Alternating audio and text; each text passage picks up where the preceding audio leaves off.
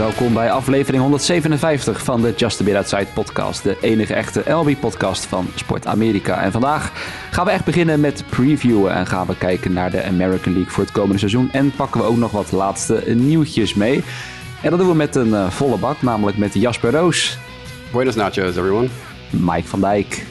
Goedemorgen. Sander Grasman. Hola. En uh, uiteraard mezelf, Justin Kevenaar. Uh, ja, laten we er maar meteen in gaan duiken voordat we gaan previewen. Het laatste nieuws en uh, nou ja, het laatste grote nieuws van afgelopen week. Uh, Sander, dan geef ik aan jou een stuk Trevor Story. Die uiteindelijk ja, misschien toch iets wat verrassend bij de Boston Red Sox tekent. Als nou ja, Red Sox fan, volger, et cetera. Ja, hoe, wat was je eerste reactie toen je dat hoorde? Story naar de Red Sox? Ik was niet per se super enthousiast meteen. we hebben natuurlijk een korte stop. Uh, Xander Bogaert. Defensief misschien niet de allerbeste, maar een slag gewoon een prima, prima kracht erbij. En, uh, of gewoon hartstikke goed. Uh, maar nu blijkt dat Trevor Story naar twee schuift. En Xander Bogaerts gewoon op, op, korte stop blijft. Wat enigszins vreemd is, omdat de, de statistieken van Trevor Story zijn verdedigend beter. Veel beter. En ja, en ja, het, wat me vooral niet zo enthousiast maakt, is dat het niet per se de grootste noodzaak op, op een infielder lag. Ik denk dat onze rotatie mag echt wel versterkt worden. En ja, dat gebeurt nu niet. En er gaat nu heel veel geld naar een korte stop die tweede honk moet gaan spelen. En ja, dat, uh, we hebben Jeter Downs in de, in de minors. Die doet het niet fantastisch de laatste tijd, maar lijkt me wat vroeg om die nu al op te geven. En uh, ja, dus wat mij betreft was dit niet de, was de behoefte niet het allergrootst aan een uh, tweede honkman. En uh, ja, ik vraag me af wat ze gaan doen. Ze hebben dus, het is een zesjarig contract, maar Story heeft een opt-out naar vier jaar. alleen, volgens mij, als ik het goed zeg, raakt hij die kwijt als Boston eerder het zevende jaar verlengt. En dat is dan tegen 25 miljoen. Dus vrij duur zevende jaar. Dus ik weet niet of ze, of ze dat gaan doen. Want hij is, uh, nou, hij is precies even oud als Bogaert. Ze zijn allebei gaan ze dit jaar een uh, 29 season in. Ja, dus dan is hij 36, wat voor een korte stop natuurlijk uh, niet, niet heel jong is. Nou, tweede rondman kan hij dan misschien ook weer staan. Dus ja, ik, ik ben niet super enthousiast, maar hij heeft het natuurlijk best goed gedaan de laatste jaren. Statistieken in course field vertekenen wel een beetje. Maar uh, ja, gewoon een prima speler. Maar veel geld. Dus ja, ik ben niet super enthousiast. Maar... Het zorgt ook voor een beetje een rare situatie in het Boston Red Sox infield. Hè? Ik bedoel, los van natuurlijk de, de discussie over... Nou, waarom, kijk, Bogaerts die hou je op korte stop vanwege het feit dat hij het langste is. Hè? Seniority rights en dat soort dingen. Maar ik bedoel, uh, Story is 70 defensive runs saved meer waard dan Bogaerts. Het is echt een, eh, een enorm verschil. Bogaert is echt gewoon de defensief inferieure korte stop ten opzichte van Story. Dus daar komt bij dat volgens mij Bogaert zijn contract na dit jaar of na volgend jaar afloopt. Ja, volgens mij. Ja. Ik zeg dat hij nog twee jaar heeft, volgens mij. Zo, maar, uh... Zoiets zou kunnen. Ik zie dat Justin het ongetwijfeld even snel opzoekt. Zeker. Uh, dat is mooi. Dat blijft natuurlijk ook de kwestie over: gaat Bogaert nu bij willen tekenen? Met het idee van ja, maar ik heb, ze hebben Trevor Story. Het is natuurlijk ook een beetje een soort van uh, een, een soort verzekeringsdekentje voor Boston. Want mocht Bogarts weggaan, dan heb je al je volgende All-Star korte stop klaarstaan en schuiven die gewoon op. Maar dan los je het probleem van tweede honk niet op als Jeter Downs niet doorgroeit. Waar we natuurlijk wel een beetje vanuit moeten gaan. Het is gewoon een heel goede honkballer. En dan haal je nog de hele kwestie op het eerste honk van Boston over. Wat ga je daarmee doen? Want het, verhaal gaat ook nog van ja, Rafael Devers is op den duur geen derde honkman, maar een eerste honkman. Maar je hebt ook nog Bobby Dalbeck. Je hebt ook nog Tristan Casas. Je hebt, bedoel, het, het eerste honkmensen genoeg. En natuurlijk is JD ja, Martinez op een gegeven moment weg. En dan ga je daar waarschijnlijk Devers op het DH zetten. Tristan Casas ik naar denk eerste het honk. Bobby Dalbeck naar derde honk. Ik denk dat uh, Devers uiteindelijk DH wordt. En, uh, en Cases is, dat, ja, dat is nu echt het talent waar iedereen heel enthousiast van is. Dus die zal eerste honk worden. En Dalbeck, dat is, uh, heeft altijd een redelijk eerste seizoen. Veel strikeouts, maar ook best wel veel home runs voor een, uh, voor een rookie. Ik weet niet echt uit mijn hoofd hoe zijn defense op, op derde honk is. Ik, volgens mij was die wel altijd in de, in de minors ook eerste en derde honk eh, prospect. Ja. Dus ik denk dat hij daar naartoe schuift. En ja, Devers heeft natuurlijk niet echt... Als hij nog verrassend atletisch soms, maar hij heeft wel een beetje het fysiek van een geboren DH. Als ik... eh, Maar misschien is dit dus een beetje voorsorteren van Boston. Dat zou jij beter weten. Ik, misschien, misschien sorteert Boston hier dus voor op een eventueel vertrek van Bogaerts over... Was het Justin twee jaar? Nou ja, hij kan dus, kijk, zijn contract loopt nog wel door, maar hij kan na volgend jaar kan hij voor een opt-out kiezen. En anders Precies. dan ligt hij nog wel tot en met 2025 minimaal vast. Met dan nog, als hij genoeg speelt in 2025, dan is hij ook in 2026 er nog bij. Precies. Maar, Maar, maar hij, is dus kan dus na komend jaar kan hij zeggen, ik, eh, ik ga er vandoor. Hij Precies, dan en hij is 20 miljoen per jaar. 29. Want Sander zegt net, hij gaat zijn age 29 season in. Nou, het is natuurlijk heel lucratief voor een speler van Bogarts kaliber om... Wat, wat is zijn jaarsalaris nu, Justin? Eh, 20 miljoen constant, elk jaar hetzelfde. Nou, als, als Story 25 krijgt op zijn, in zijn age 29 season... of in zijn age 32 season uiteindelijk of zo... kan Bogarts dus zeggen, nou ja, ik opt-out en geef me maar meer dan dat. Nou.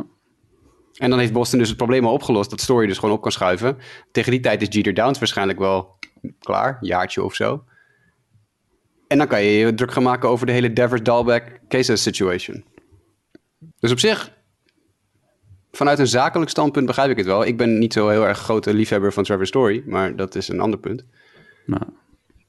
nou ja, dat is dan ja, de nee, vraag ik ben van... wel eh, ja, zeg groot maar, liefhebber van Bogaerts. Dus ik, eh, ik hoop niet dat het voor sorteren is op een vertrek. Want dat Precies, zou ik ja. wel echt eh, Het heel jammer vinden. Ik moest wel lachen dat Story bijna niet getekend had bij Boston. Hè? Want Boston zei, je moet je laten vaccineren. En Story zei, heb ik helemaal geen zin in. Toen zei Boston, dan krijg je ook geen geld. Zei- Toen zei Story, nou oké, dan vaccineer ik mezelf wel.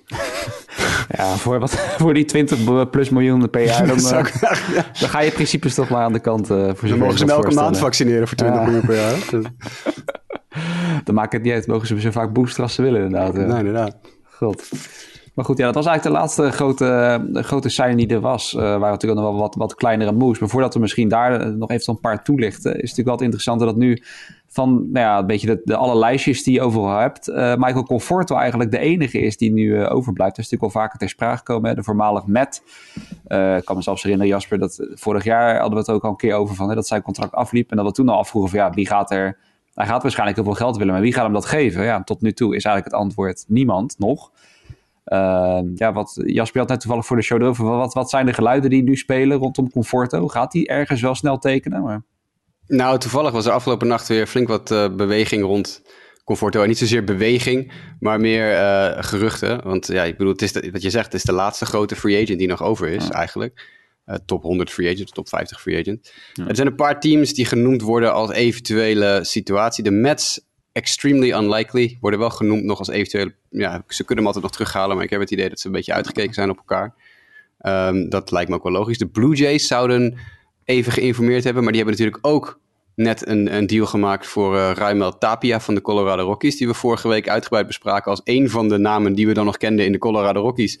Hup, drie dagen later, Randall Grichuk van Toronto naar Colorado en Raimel Tapia van Colorado naar Toronto.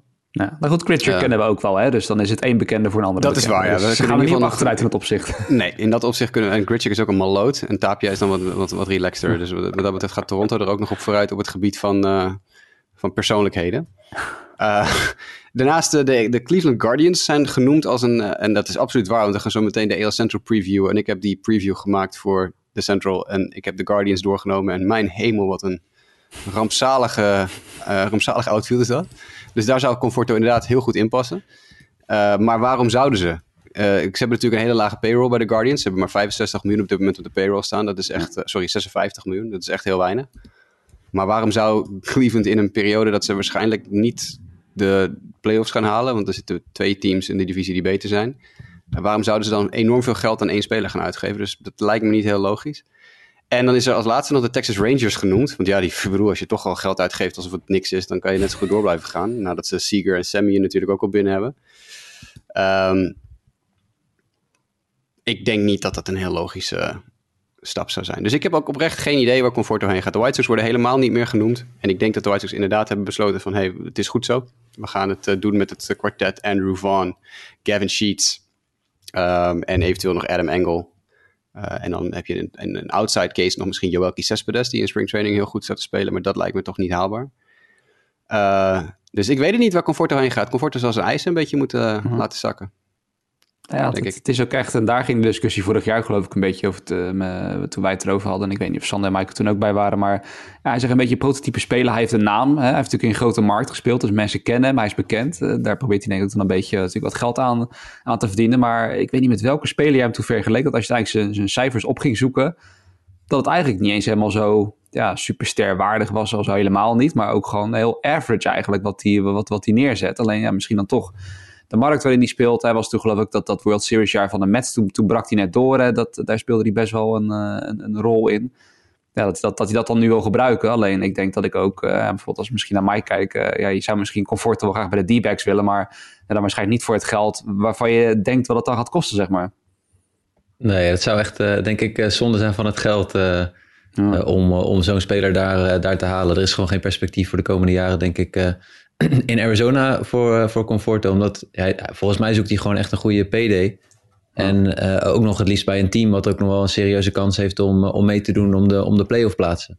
Dus ja, dat is gewoon afwachten. Maar ja, ik eh, voorzie een beetje een Dallas eh, idee. De- ik, ik denk dat deze speler in ieder geval zichzelf fit en scherp zal proberen te houden. En het zou mij niet verbazen als dat dus na opening day is. Dat hij uiteindelijk wel een team gewillig gaat vinden om hem, hem te betalen.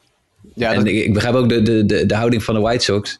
Nou ja, als er geen andere tekers zijn, kunnen we het best even aankijken. Eh, zolang er geen blessures zijn, eh, is er ook geen eh, grote niet om, om dat te doen. Nee, daar komt nog bij natuurlijk. Die, de, de, een van de redenen, dat is een, een Dallas Keuchel een paar jaar geleden, dan Kendrick Morales en Steven Drew, eh, gewoon een half jaar niet speelden. En uiteindelijk mid-season, Dallas Keuchel ging toen geloof ik naar de Braves, mid-season ergens tekenen, is omdat vanaf het moment dat de draft geweest is, die eh, compensatiepick van ze afgehaald wordt. Dus zodra, Mike, als teams zeggen van nou, we gaan Conforto niet signen, want we willen die draftpick niet kwijtraken. Zodra de draft geweest is, is die draftpick compensatie weg. En kunnen ze hem gewoon gratis, dus voor alleen voor geld, zeg maar, signen. Maar meestal, tenminste volgens mij de, de, de namen die je noemt, zijn allemaal spelers die uiteindelijk een eenjarige deal hebben getekend tot het einde van het seizoen. In hoop op een, eh, op een betere deal. En volgens mij, Keigo is misschien de enige die daarna nog iets, wel, wel wat langere deal heeft gehad. Maar Steven Drew is daarna ook jaarcontract. Misschien dat hij bij de Red Sox toen een twee, driejarig contract misschien nog heeft gekregen. Ja, volgens mij was dat al... Ik ben, want eh, de, de vergelijking die, die- Maar Keuchel heeft inderdaad een meerjarige deal gekregen, want die heeft bij de White Sox uiteindelijk getekend. Maar eh Kendrick Morales was een half jaar later uit Ja. baseball, geloof ik. Ja. Dus, eh, Nee, en, eh, eh, eh, de, de vergelijking was volgens mij met Castellanos, daar hebben we vorige week ook over gehad. Ja, op de een of andere manier heb ik niet het gevoel dat hij eenzelfde soort duur van contract nu in de, in de markt heeft voor, voor hemzelf. Dus eh, nou, Conforto wil meer dan Castellanos, maar dat gaat hij niet krijgen. Ja, misschien dat er nog een creatieve GM ergens zit met opt-outs die er iets leuks van weet te maken. Nou ja, zo'n Carlos Correa-contract, daar moet Ja. je denk ik nu op ingezetten als team. Ik bedoel, het is voor, zou bijvoorbeeld voor een team als, nou, ik noem maar, wie zei, de White Sox kunnen het halverwege het seizoen doen. Maar ze zouden het ook eventueel kunnen doen nu door te zeggen, nou, we geven je een driejarig contract met twee opt-outs. En we geven je het eerste jaar eh, 25 miljoen of zo en het tweede jaar eh, iets anders. En je kan eruit wanneer je wil. Nou ja, niet, dat ik, dat- niet dat ik dat verwacht overigens, hoor, maar het, het zou kunnen.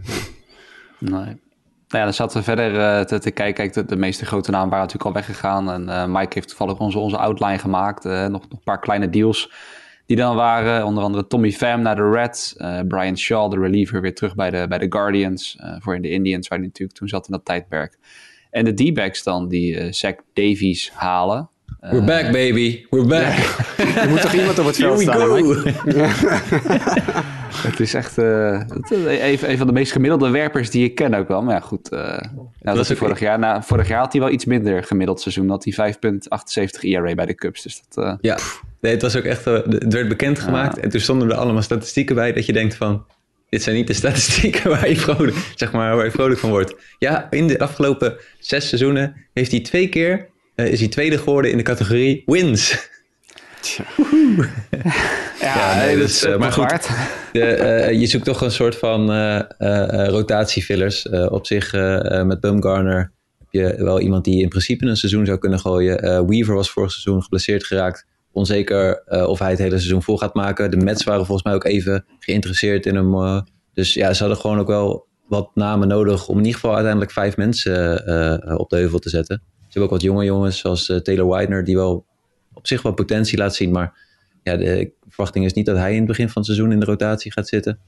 Eh, eh, En verder is dan Merrill Kelly, die echt wel heel erg goed begonnen was aan spring training. Maar goed, spring training. Ja. Uh, dus het is, ja, het is nog erg zoeken bij de D-backs. En in, in die zin, een, een naam die ze erbij kunnen halen. een jongen die ook in, in Arizona naar high school is geweest. Nou ja, dat doet het dan waarschijnlijk goed voor de lokale moraal. Ja. Nou ja, verder als ik dan nog hier kijk, de, de lijst van de afgelopen twee dagen, dan Michael Givens van de Reds naar de Cubs. Hanser Alberto van de Royals naar de Dodgers. En uh, good old Sergio Romo, die bij de Mariners uh, tekent. En dan, nog... Ja, en, dan, en dan nog twee contracten die misschien wel even interessant zijn om stil te staan. Dave Roberts, die een driejarige verlenging krijgt bij de LA Dodgers. De manager, mm-hmm. de succesmanager zou je toch wel kunnen zeggen, die nou ja, eindelijk zijn titel had vorig jaar na telkens net niet. Dat was natuurlijk een beetje de foregone conclusion. Leek me wel vrij logisch dat hij die verlenging zou gaan krijgen. volgens mij is er geen bedrag bekendgemaakt. Meestal bij managers wordt dat niet bekendgemaakt. Of in ieder geval niet vooraf of niet tijdens hun, uh, hun aanstelling. Maar drie jaar langer dus bij de, bij de Dodgers. Hij zal en niet slecht Max... betaald worden, denk ik. Nee, oh nee, zeker niet. Dat is een van de best betaalde managers uh, in baseball natuurlijk, ja, logischerwijs. En Max Stassi, de catcher, die een driejarige contractverlenging ter waarde van 17,5 miljoen van de LA Angels kreeg. En dat is uh, denk ik een stevig bedrag voor iemand die eigenlijk zijn hele leven zo ongeveer uh, backup catcher is geweest. Nou is hij natuurlijk wel uh, nou, wat beter geworden. Nee, negen jaar, in, negen jaar in, de, in de big leagues, dan doe je ergens iets goed. Maar pas de laatste, wat is het, drie jaar of zo, gaat hij steeds weer speeltijd krijgen. En hij heeft nooit meer dan 300 plate appearances gekregen in één seizoen. Tot afgelopen seizoen. Toen kreeg hij meer dan 300 plate appearances hij was natuurlijk altijd de backup catcher bij de, bij de Astros. Ik wil het zeggen, Astros. Ja. Uh, en hij heeft natuurlijk wel een heel goed jaar gehad uh, vorig seizoen. Uh, maar om hem dan meteen drie jaar 18 miljoen, drie jaar 17,5 miljoen te geven, is, well, vind ik wel aardig wat. Iedere keer denk ik dat die payroll wel aardig belast is daar in Los Angeles. Maar dan vliegen er ja, toch wel miljoen uit. vinden ze ineens voor 17,5 miljoen voor een backup catcher. Nou ja, goed. Het is natuurlijk, hij zal waarschijnlijk gaan starten. Tenminste, dat lijkt me starter money dit. Ja, de andere catcher is Kurt Suzuki, dus dat lijkt me de backup. Ja, die hebben ze voor één jaar iets van 3 miljoen of zo getekend, toch? Of één jaar ja. 2 miljoen? Zoiets. even te kijken, maar inderdaad, dat, dat zal de backup zijn. Dus als Tessie inderdaad wel, mag je verwachten de... De starter zijn, ja. Nou ja, ik, ik vind Max Tessie een hele leuke catcher. Vooral defensief goed, maar vorig jaar sloeg hij wat 2,41 met een 4,26 uh, slugging of zo. Nou, dat, uh, dat is oké, okay, maar niet... Uh, ik bedoel, 32% strikeouts in je plate appearances. Dat is ook niet heel best. Hij gaat jouw fantasy team niet halen. Dat, halen, dat is ook Nee, te, zeker niet. Nee, absoluut niet. Nee. Nou, en dan nog het, het laatste voordat we doorgaan naar de American League uh, preview. Uh, uh, ja, Andrew Miller hadden dan nog. Die stopt ermee na 16 seizoenen. Heeft iemand hier nog warme herinneringen aan de reliever Andrew Miller? Nee, geen enkele. ja, maar dat is omdat Sander, hij natuurlijk onderdeel was. Ah, dat zou nog kunnen, ja. Ja, hij had wel een paar goede jaren bij Boston. Ah, maar ja, ik, uh, ik had niet per se veel met hem. Maar uh, ik nee. zat even zijn statistieken te kijken. En hij was echt al... Want het vertekent een beetje dat hij een career ERA heeft van 4 punt nog hmm. iets. Maar uh, hij is vijf jaar achter elkaar. Zat hij, over vijf jaar had hij een, een era onder de twee. En waren ook heel veel onderliggende statistieken echt heel erg goed. Ja. Dus ja, het was een hele goede goede reliever. Maar in die vijf jaar dat hij zo dominant was, zat hij ook bij vier verschillende teams. Ja, dan, dan had hij zijn hele carrière bij Boston gespeeld. Dan werd er anders, denk ik, gekeken naar zijn carrière dan nu. Dat je zo'n. Uh, ja, je hebt met geen enkele fanbase. Heeft denk ik een enorme binding met hem uh, gekregen. Ja, Dus ja. Misschien zijn to fame. Uh. Ja, daarom heb ik zo'n hekel aan hem. Ja, zijn claim to fame zit natuurlijk in het feit dat hij uh, in een uh, nogal grote trade zat toen hij nog een prospect was. Uh, namelijk in de Miguel Cabrera trade, toen hij van ah. de Marlins naar Detroit ging. Want Miller is toen met Dontrell Willis en, huh. hoe heet die outfielder ook weer? Cameron Maben? Ja. Volgens mij, ja. ja, volgens mij was het Maben, Miller, Willis en ik dacht nog één prospect naar Miami in ruil voor Miguel Cabrera. Ja, ik heb hier Cameron Mabin, Mike Rabello, Frankie Rabello. De La Cruz, Burke Badenhop en Dallas Trahern. Die zat er ook nog in. Ja, Bovenop voor Miguel Cabrera ja, en Dontrell ja. Willis. Ja, oh ja, de, de Dontrell Willis ging naar Detroit toen. Dat was het, ja. De Dontrell Willis ging naar Detroit met Miguel Cabrera. En de hele rij met Miller en zo kwamen terug. Dat was het inderdaad, ja. ja. Ja, hij is een mooie trade. Nog, uh, ja, en hij is daarna ook nog wel. Kijk, er waren wel kleinere trades met. Toen van de Red Sox naar de Orioles, die natuurlijk toen een push maakte voor Eduardo mm. Rodriguez. Nou ja, die nog steeds bij de, bij de, bij de Red Sox uh, nee, zitten. Tigers. Nee, die is nu Tigers. naar de Tigers. Of uh, nu naar de Tigers, inderdaad. Ja. Ja, tot, tot vorig jaar bij de, bij de Red Sox. En dan nog bij de Yankees, toen was het voor Clint Frazier onder andere en Justin Sheffield. Uh, toen Cleveland natuurlijk vol ervoor ging. Dus dat, hij was nou, Dus hij heeft wel echt in serieus, echt alle trades waar hij in gezeten heeft, zitten major, echt major leaguers in. Echt gewoon nou, major dat waren ja, vooral later die piekjaren. En elke keer ja. als er dan teams als de Orioles en de toen dan nog de Indians dan in contention waren, uh, ja, dan kwam hij vaak bij Andrew Miller uit als de reliever die je dan kon halen. Ja. ja. Jeetje man, Mike Rabello en Burke Badenhop. Die, dat was, ik was echt vergeten dat die ook in die trade zaten. Maar ik, oh. Burke Badenhop, wie kent hem niet? Ik nou. kende de naam trouwens nog wel hoor. Ja, ja zeker. Is ook een, ook een big leaguer geweest. Twee of drie ja, jaar of zo. Vier jaar? Vijf jaar? Die heeft bij de Marlins nog wel een tijdje in de boelpen gezeten, toch? Ja. Goeie naam. Burke. Ja, ongetwijfeld ook nog wat saves ergens hebben gehaald. Ik denk het wel, ja. ja dat had ja. ongetwijfeld. Maar Andrew Miller nou, was ook toch in de, in de, sorry, de, Cleveland, de Cleveland Mafia bullpen, toch? Zo heette dat. was toch zo'n zo'n ding, zo'n uh, marketing ding, of niet? Dat zou kunnen, dat weet ik niet meer. Ik vaak herinneren. Met uh, Tony Sip ook nog. Nou goed, oh, ja. snel, snel door. Ja, ik probeer nog ergens voor, voor de Guardians ja, en, en, en, en, ook, uh, Silver en ook Brian Shaw, ja, en ook Brian Shaw toen die nu voor de vierde keer weer terug is gekeerd bij, uh, bij, bij Cleveland of zo. Ja, die is dat, ook al 54 tenslotte. Dus wat dat ja, ja nou, oké, okay, gaat hij terug naar Cleveland. Dan, uh, nou ja, goed. Laten we op die noot doorgaan naar de American League Preview. Um, we gaan dit keer niet echt team voor team alles tot in den treuren bespreken. Ook omdat er natuurlijk nog wat dingen kunnen veranderen. Het is allemaal een heel ander off-season natuurlijk dan de voorgaande jaren. Maar we gaan kort gewoon per divisie kijken. Wat vinden wij het meest verbeterde team? Bij welk team gaan juist alle alarmbellen af? En ook een beetje wat we uiteindelijk qua uh, race uiteindelijk verwachten. Wie gaan er meedoen, wie niet? Uh, wie misschien, wie zijn onze outsiders, et cetera, et cetera. En laten we beginnen bij de AL Central. Natuurlijk de divisie van uh, onze Jasper. Jasper, jij mag hem maar aftrappen. Wat, wat zijn jouw ja, big picture takeaways van die divisie? Nou, ik denk dat de grootste big picture takeaway is dat de White Sox nog steeds de favoriet zijn om deze divisie vrij eenvoudig te winnen. Vorig jaar natuurlijk 13 wedstrijden voor de nummer 2 vrij ruim de divisie gepakt. Dit jaar verwacht ik ook weer iets vergelijkbaars, omdat dat team natuurlijk niet heel veel veranderd is en nog wel marginaal versterkt is. Uh, de Twins hebben wel hun best gedaan om in ieder geval een soort gooi te doen naar van, nou, we gaan in ieder geval kijken of we de White Sox kunnen uitdagen. Maar in het schrijven van die preview kwam ik er eigenlijk achter dat, uh, hoewel de offense van de Twins echt wel heel prima is. je hebt natuurlijk Byron Buxton die terugkeert. Je hebt natuurlijk Gary Sanchez erbij, een Gio Urshela erbij. Carlos Correa uiteraard als grote naam er nu bij. Dus die, die offense is echt sterk verbeterd. Uh, de, ook Alex Kirillov, die natuurlijk weer een, een volgend jaar in zijn ontwikkeling ingaat. En ik verwacht echt dat die Kirillov nou ja, binnen nu een afzienbare tijd een All-Star game gaat halen. Uh, dus, en, en, natuurlijk nog Miguel Sano, Jorge Polanco, Luis Arraez, noem ze maar op. Dus het is echt wel een stevige offense. Maar die pitching, ondanks het toevoegen van een Sonny Gray, is gewoon echt niet goed genoeg. Het is gewoon heel simpel. Ik bedoel, uh, Sonny Gray is natuurlijk een hartstikke goede pitcher. Heeft wel een behoorlijk uh, geschiedenis qua injuries. Maar ja, wat, wat, moet je nou, wat is nou de rest achter, achter uh, Sonny Gray? Dylan Bundy. Ja, Dylan Bundy is gehaald. Nou ja, dat is denk ik heel leuk om een drie of een vier in je team te zijn. Maar als dat je nummer twee is, is dat echt wel problematisch.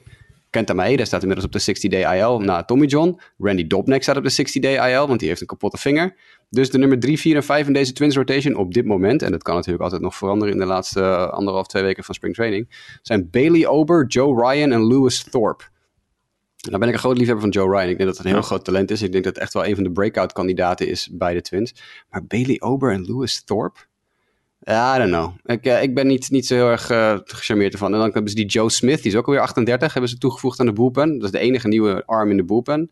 Als je ervan uitgaat dat Jarrell Cotton het niet gaat halen. Dat was ooit een heel groot talent bij de Zo, ja. Athletics. En dat is, die is ook helemaal weggezakt. Um, dus dit is een heel goede offense. Maar ik denk niet dat ze genoeg pitching hebben om een team als de White Sox voor te blijven. En de White Sox blijven natuurlijk de favoriet. Want die hebben die, die line-up met, nou ja, je noem ze maar op. Eloy Jimenez, Joan Moncada, Tim Anderson, Jose Abreu, uh, uh, Luis Robert... Uh, daar hebben ze Josh, Josh Harrison aan mee toegevoegd. Josh Manny Grandal, Andrew Vaughn. Dit is echt een, een murderer's row aan offense. En dan hebben ze nog Joe Kelly en Kendall Graveman aan de bullpen toegevoegd. Nou, dat zijn toch ook wel... Uh, dat, ik geloof dat de White Sox nu zes van de top 35 relievers uit vorig jaar uit de Major League hebben. Dat, dat, ik zat laatst een lijstje, dat is een arbitrair lijstje volgens mij, maar iemand had een lijst gemaakt met de 35 beste relievers in baseball. En daarvan zitten er nu zes bij de White Sox. Na die, deel, die deals voor Kelly en Graveman. Mm, nou, dat ja. is natuurlijk wel heel extreem. Uh, dus die bullpen is, is hartstikke goed. Die starting rotation met Giolito en, uh, en Lin. Uh, ik verwacht dat Dylan Cease, die vorig jaar natuurlijk 200 strikeouts gooide, meer dan 200 strikeouts gooide, weer een stap voorwaarts gaat, voorwaarts gaat zetten. Ik denk dat Michael Kopech, die de rotation ingaat, iedereen gaat wegblazen. Alleen Dallas Keuchel kan niet meer gooien, hebben we van de week weer gezien in springtraining. Dus dit is gewoon het beste team. Twins gaan daar echt wel proberen iets mee te doen, maar die hebben geen pitching. En dan komt de rest. En de rest zijn de dodelijk saaie Cleveland Guardians. Die letterlijk. Ik zat die, die van de week te kijken. Er zijn drie spelers vertrokken bij de Cleveland Guardians. Er zijn drie spelers bijgekomen bij de eh, Cleveland Guardians. De drie spelers die vertrokken zijn, zijn twee catchers en een relief pitcher. De, twee, eh, de, de drie personen die teruggekomen zijn, zijn twee catchers en een reliever. ze hebben Roberto Perez en Wilson Ramos ingeruild voor Luke Maley en Sandy Leon. En ze hebben Blake Parker ingeruild voor Enya de Los Santos. En voor de rest is er niks veranderd aan dit team. En dat betekent dat ze dus ook niet goed genoeg gaan zijn. Want vorig jaar waren ze ook niet goed genoeg. 13 wedstrijden achter de White Sox uh, voor de tweede plek in de divisie. In een jaar waarin de Twins gewoon volledig door de bodem zakten. Dus uh, ja, ik bedoel, de lol moet komen van Jose Ramirez en Franmil Reyes. Maar dat zijn ook wel de enige twee in die offense die uh, ergens toe doen. Pitching is natuurlijk wel indrukwekkend bij Cleveland. Hè? Shane Bieber is weer terug. Hopelijk geen last meer, last meer van zijn schouder. Vorig jaar gooide hij natuurlijk maar, ik geloof, 70, 96, wedstrijden, 96 innings. Hij mist iets van 90 wedstrijden. Ja, hij is altijd weg geweest in ieder geval. Ja. ja. Nou, heb je Cal Quantrill, Zach Plesac, Aaron Savali, Tristan McKenzie. Dat zijn toch echt wel jongens waarvan je denkt, hoe, nou, zeker Tristan McKenzie. Mike, uh, Mike zijn, uh, zijn dude. Die, die ja. verwacht ik wel. Ja, hij begon uh, vorig jaar niet zo best. Maar aan het einde van het jaar toen had hij het weer gevonden inderdaad. Uh. Helemaal. En dan heb je natuurlijk ja, Emmanuel Classé. een van de meest unhittable closers in baseball. Eigenlijk als de Twins dit zouden hebben, zeg maar, dan zouden ze echt, echt de favoriet ja. zijn in deze divisie. Hè? Nou, dan zouden ze met de White Sox samen de favoriet zijn voor de divisie. Ja, inderdaad. Ja, want ik denk dat de White Sox offense en de pitching beter is dan, ja. dan die van de Twins. Maar ja, dit, waar, waar, gaan de Guardians heen? Ze gaan nergens heen. Dit, dit ze gaan denk ik vrij stevig derde worden. En dan kijk je naar de teams die misschien wel het leukst zijn in de divisie om naar te kijken als je het hebt vanuit een ontwikkelingsperspectief. Uh, de Tigers en de, en, de, en de Royals. Ik denk dat de Tigers vierde worden en de Royals vijfde, maar dat zou ook net zo goed andersom kunnen zijn. Uh, dat zijn gewoon heel leuke teams om even naar te gaan kijken als je, als je de ontwikkeling van jonge sterren wil zien. Die, die Tigers pitching met natuurlijk uh, de, de, de, het trio Casey Mize, Tarek Skubal en Matt Manning. Dat zijn de drie jonge, ja. nou, de young guns eigenlijk in de rotation van de Tigers. Nou, ik ben echt heel benieuwd wat die dit jaar gaan doen. Lijkt me ontzettend leuk om die uh, gasten een stap voorwaarts te zien doen. Nou, wat gaat Akil Badou in zijn tweede volledige seizoen in de majors doen? Uh, ook wel benieuwd naar. Er, uh, Heimer Candelario, vorig jaar uitstekend ontwikkeld. Kijken wat die dit jaar gaat doen. Um, dus dat, dat Tigers team is eigenlijk best wel, best wel leuk. Ze hebben natuurlijk ook nog Javi Baez toegevoegd aan de line-up. Nou ben ik niet zo'n fan van Javi Baez, maar whatever. Maar de Tigers zijn exponentieel beter geworden dan dat ze vorig jaar waren. Ze hebben heel veel ballast laten gaan. Hè, van die rebuild ballast. Je kent het wel, spelers. Er moet toch iemand op het veld staan tijdens je rebuild. Dat soort spelers. De Derek Hollands van de wereld. De Nico Goodrums van de wereld. De Grayson Griners van de wereld. Nou, lekker lozen. En die dan dus upgraden. Javi Baez is een upgrade over Nico Goodrum. Tucker Barnhart is een upgrade over Grayson Griner. Eduardo Rodriguez is een upgrade over uh, Derek Holland. Michael Pineda is een upgrade over Jose Urena. En Andrew Chafin is een upgrade over Julio Teran. Dus ze hebben op al die plekken waar ze spelers kwijt zijn geraakt, hebben ze betere spelers teruggehaald. Nou, dat betekent dat de Tigers dus in principe beter moeten zijn dan vorig jaar. Gaan ze goed genoeg zijn om de Indians uit te dagen voor plek 3? Ik weet niet of ze daar al zijn. Maar als we iets vorig jaar gezien hebben, is dat de, de Tigers Hinch. onder uh, onze grote vriend uh, AJ Hinch echt wel een, uh, ja, een, een, goed potje kunnen honkballen. En dan heb je natuurlijk nog Spencer Torkelson, die als die de Major League team haalt, en gewoon een regelrechte kandidaat voor AL Rookie of the Year is. Uh, dus dat is een leuk team om te volgen. En hetzelfde geldt eigenlijk voor de Kansas City Royals. Hoewel de Royals hetzelfde probleem hebben als de, als de Twins. Ze hebben geen pitching. Dat is gewoon echt het is verschrikkelijk. Die offense is echt heel leuk hoor. Whit Merrifield, Nicky Lopez, Salvador Perez, Andrew Benintendi, Carlos Santana, Hunter Dozier, Adalberto Hamondesi, Michael Taylor. Het zijn allemaal dezelfde namen van vorig jaar. Allemaal dezelfde namen die teruggekeerd zijn. Uh, maar ja, dan kom je met een pitching rotation die aangevoerd wordt door een 38-jarige Zach Greinke. En nou ja, ik, alle respect voor Greinke. Superleuk dat hij terug is. Ja. Maar het is toch niet, dat kan niet je ace zijn. Het is heel leuk voor het sentiment inderdaad. Maar... Tuurlijk, meer dan 3000 innings op die arm, jongen. Wat, wat gaan we daar nou nog van kunnen verwachten dit jaar? En dan heb je je nummer twee is Brad Keller. Nou, oh, mijn hemel. Wat een, daar krijg je gewoon maagoprispingen van. En er zit er wel nog wat leuk talent achter. Hè? Brady Singer en Chris Bubich zijn echt wel leuke talenten. Maar, en Singer heeft die slider waar we echt allemaal helemaal warm van worden van binnen. Uh, maar die moeten wel een serieuze stap gaan zetten. Willen ze ook maar iets uh, kunnen doen in de strijd tegen die rotation van de Tigers bijvoorbeeld. Die veel beter is. Hè? Casey Mize, Scubal, Manning, Eduardo Rodriguez. Dat zijn gewoon echt vier echt goede pitchers. Terwijl de Royals dan aankomen met Granky, Keller, Singer, Bubic. En dan komt er een Carlos Hernandez op dit moment op plek 5 in de rotation achteraan. Die vorig jaar 85 innings gooide, meer niet.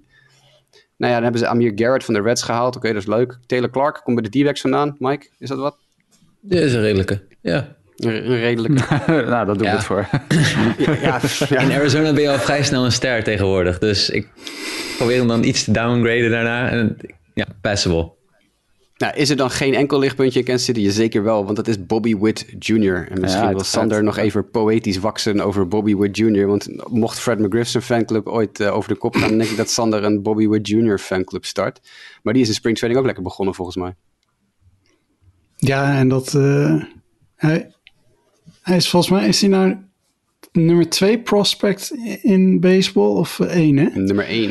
Ja, ja fantastisch, eh, fantastisch speler. En ja, vorig jaar kreeg hij al een kans in springtraining. En ja, pikte hij eigenlijk het, eh, het niveau meteen, eh, meteen op. Ik verwacht eigenlijk gewoon dat hij dat ook eh, dit jaar zal doen. En ik, eh, ik denk, nou, ik weet zeker dat we hem in de, in de majors gaan zien. Ik eh, vraag me af of ze daar nog mee gaan goochelen. Dat ze hem een maandje eh, laten trappelen en dan brengen. Maar eh, nee, die gaat, die gaat echt een impact hebben als die komt. En ja, Ik ik, denk ik dat hij ben heel benieuwd. de top, de topkandidaat voor Rookie of the Year. Spencer Torkelson is top Ja. 3 kandidaat, maar er is een, een ruimte voor, voor de Tigers om hem nog niet meteen naar de Major League te halen. Want in AAA vorig jaar was hij niet heel erg goed. Dus je zou inderdaad een argument kunnen maken dat, dat Torkelson nog tijd nodig heeft. Maar Bobby Witt ook in spring training, ziet- die ziet er gewoon uit als een Major Leaguer. En dan is het misschien juist de, de, de beloningsstructuur wel interessant voor, eh, voor de Royals. Hè? Die, als je een rookie van het begin vanaf het jaar op je roster zet en hij finisht in de top 2 of 3 van de Rookie of the Year, dan heeft dat ook voor het team positieve effecten op Ja. draftgebied. Dus dat betekent, en Bobby Witt is echt de topkandidaat. Als je het bij Bobby Witt niet doet, Ja. dan, weet ik, dan weet ik niet wat je, met wie je het wel gaat doen. Nou, nou ja, Nee. dan, ik zit ook te kijken wat ze op de bank hebben. Ja, dan, dan, dan moet je bijna niet met niemand, iemand anders dan Bobby Wood willen starten seizoen, zeg maar. Ik wil wel één breakout kandidaat nog even noemen. Edward Olivares. Die vorig jaar al een beetje een, eh, een, een kopje koffie dronk in de majors. En eh, dat is echt wel een groot talent. En die had vorig jaar echt geen slecht seizoen. En die jongen heeft ontzettend veel power. En is ook al 26, dus er is geen reden voor hem meer om nog langer in de, in de minors te zijn. Hij heeft vorig jaar uit iets van 100 slagbeurten of zo. Eh, en, en hoewel de, het, eind, het eindresultaat niet dat je denkt was van... nou oké, oké, hij is nog 5 home runs en 100 at bats. Dat is dat extrapoleert over 30 home runs over een heel seizoen. Nou, dat is toch niet gek. Ja, en ze hebben MJ Melendez. Die had een heel goed minor league seizoen. Alleen die is catcher. En Ja. ik weet niet of ze die nog gaan, eh, gaan omturnen. Of er nog een optie is waar die ergens anders kan spelen. Maar je hebt daar natuurlijk Perez. Ja. Ja, Perez Misschien vorig jaar... die... Volgens mij heeft hij 162 wedstrijden gespeeld vorig jaar, Salvador Perez. En ja, dat is belachelijk veel gespeeld. dat kan je natuurlijk niet doen als je ehm, ze alle 162 catcht. Nee, hij heeft best wel wat gedH'd ook. Dat, Ja. eh, daar ging die discussie toen hij dat record eh, van catcher home runs sloeg. Dat er behoorlijk wat DH eh, wedstrijden tussen zaten. Dus dat is misschien een optie. En dan is dat wel een mooie speler om te zien. Want die, eh, die had een heel goed seizoen, Melendez, vorig jaar. Vorig jaar heeft eh Salvador Perez 120 wedstrijden gestart op catcher. En 40 gedH'd. En dan nog een paar keer ingevallen. Eh, dus aan het eind van de rit had hij 160 wedstrijden eh, onder zijn riem. Waarvan 120 op catcher. Dus er zijn op zich wel wedstrijden voor MJ Melendez. Want 40, 50, 60 wedstrijden per seizoen is voor een backup catcher echt wel prima. Eh, en dan kan die zich een beetje gaan ontwikkelen. En Perez natuurlijk ook al eh, bijna 32. Dus die zal ook niet heel veel meer eh, kunnen gaan catchen. Hoeveel innings heeft hij achter de plaat gezeten inmiddels? Meer dan 1000 geloof ik al. Hè? Ah, het zal wel, Ja, ja. 1013 wedstrijden gecatcht. Eh 8755 innings gecatcht. nou, die knieën die gaan het ook wel een keer opgeven, denk ik. Hoor.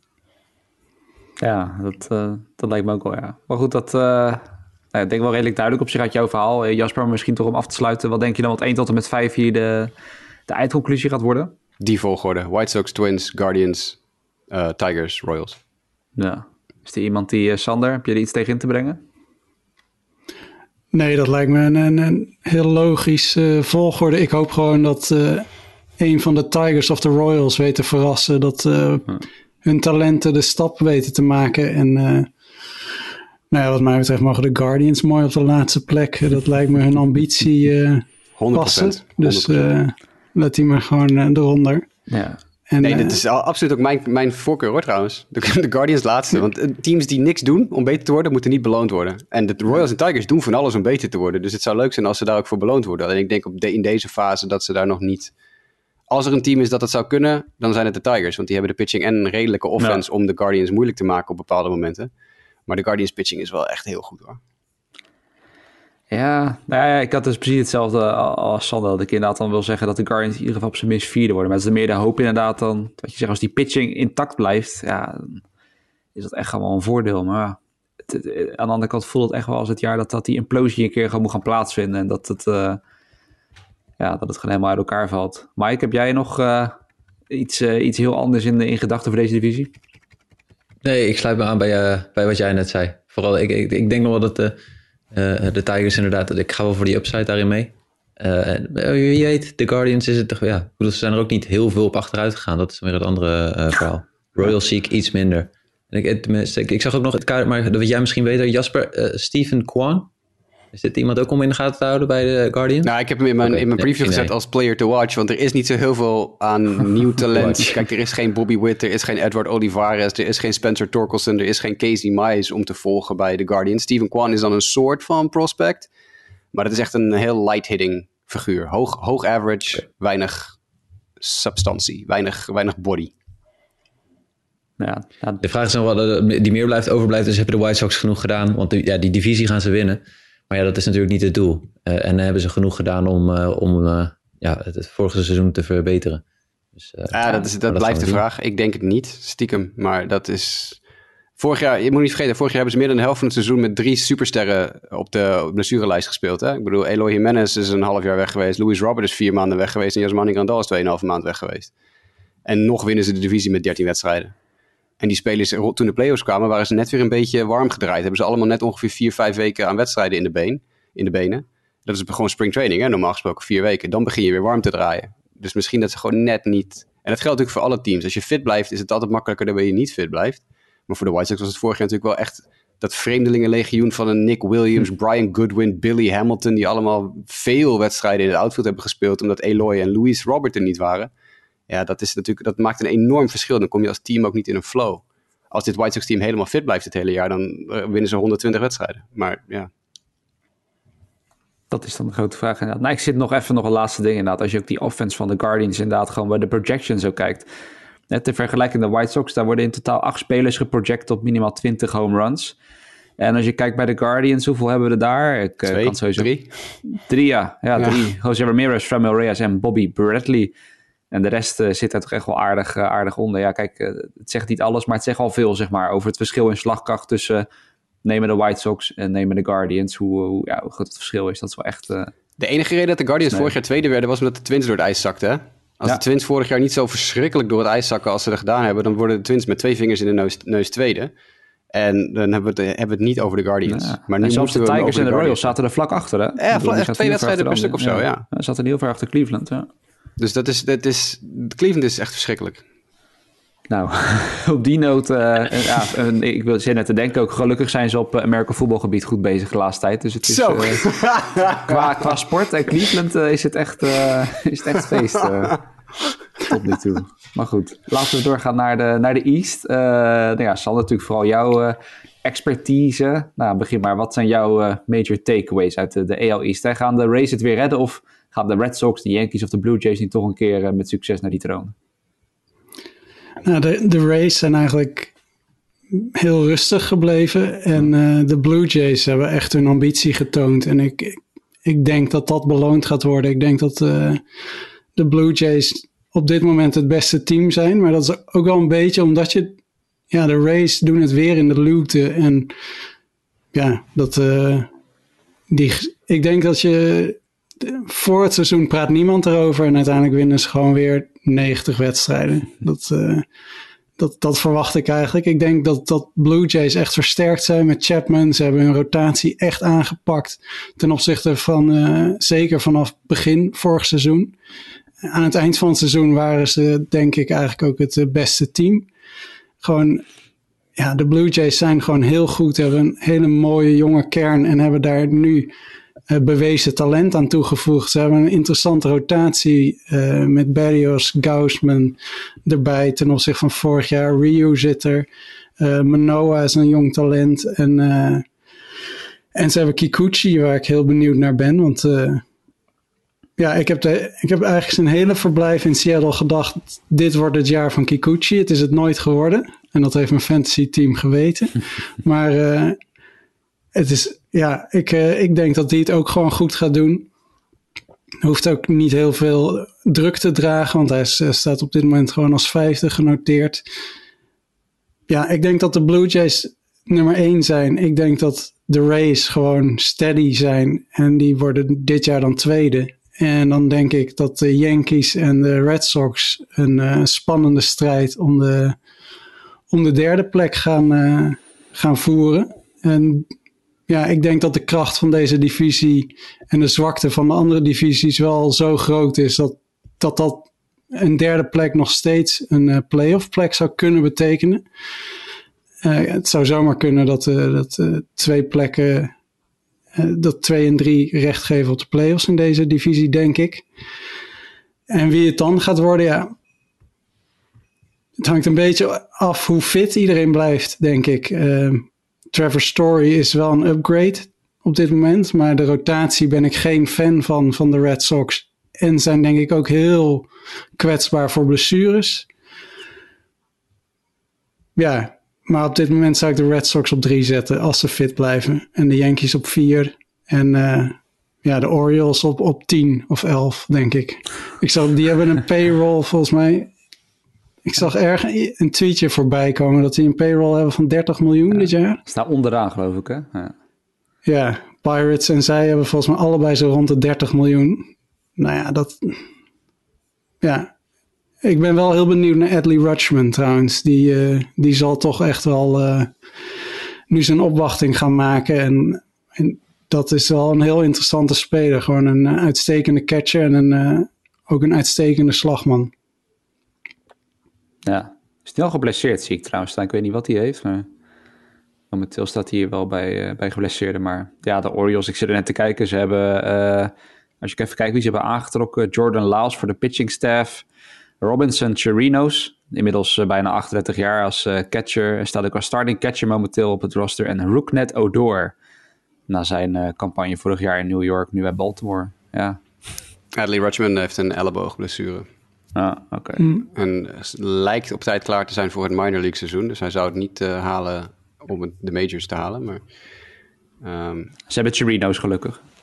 Ja, nee, tuurlijk. Maar het is, uh, hij gaat sowieso niet, uh, niet op tijd fit zijn voor het debuut. Ja.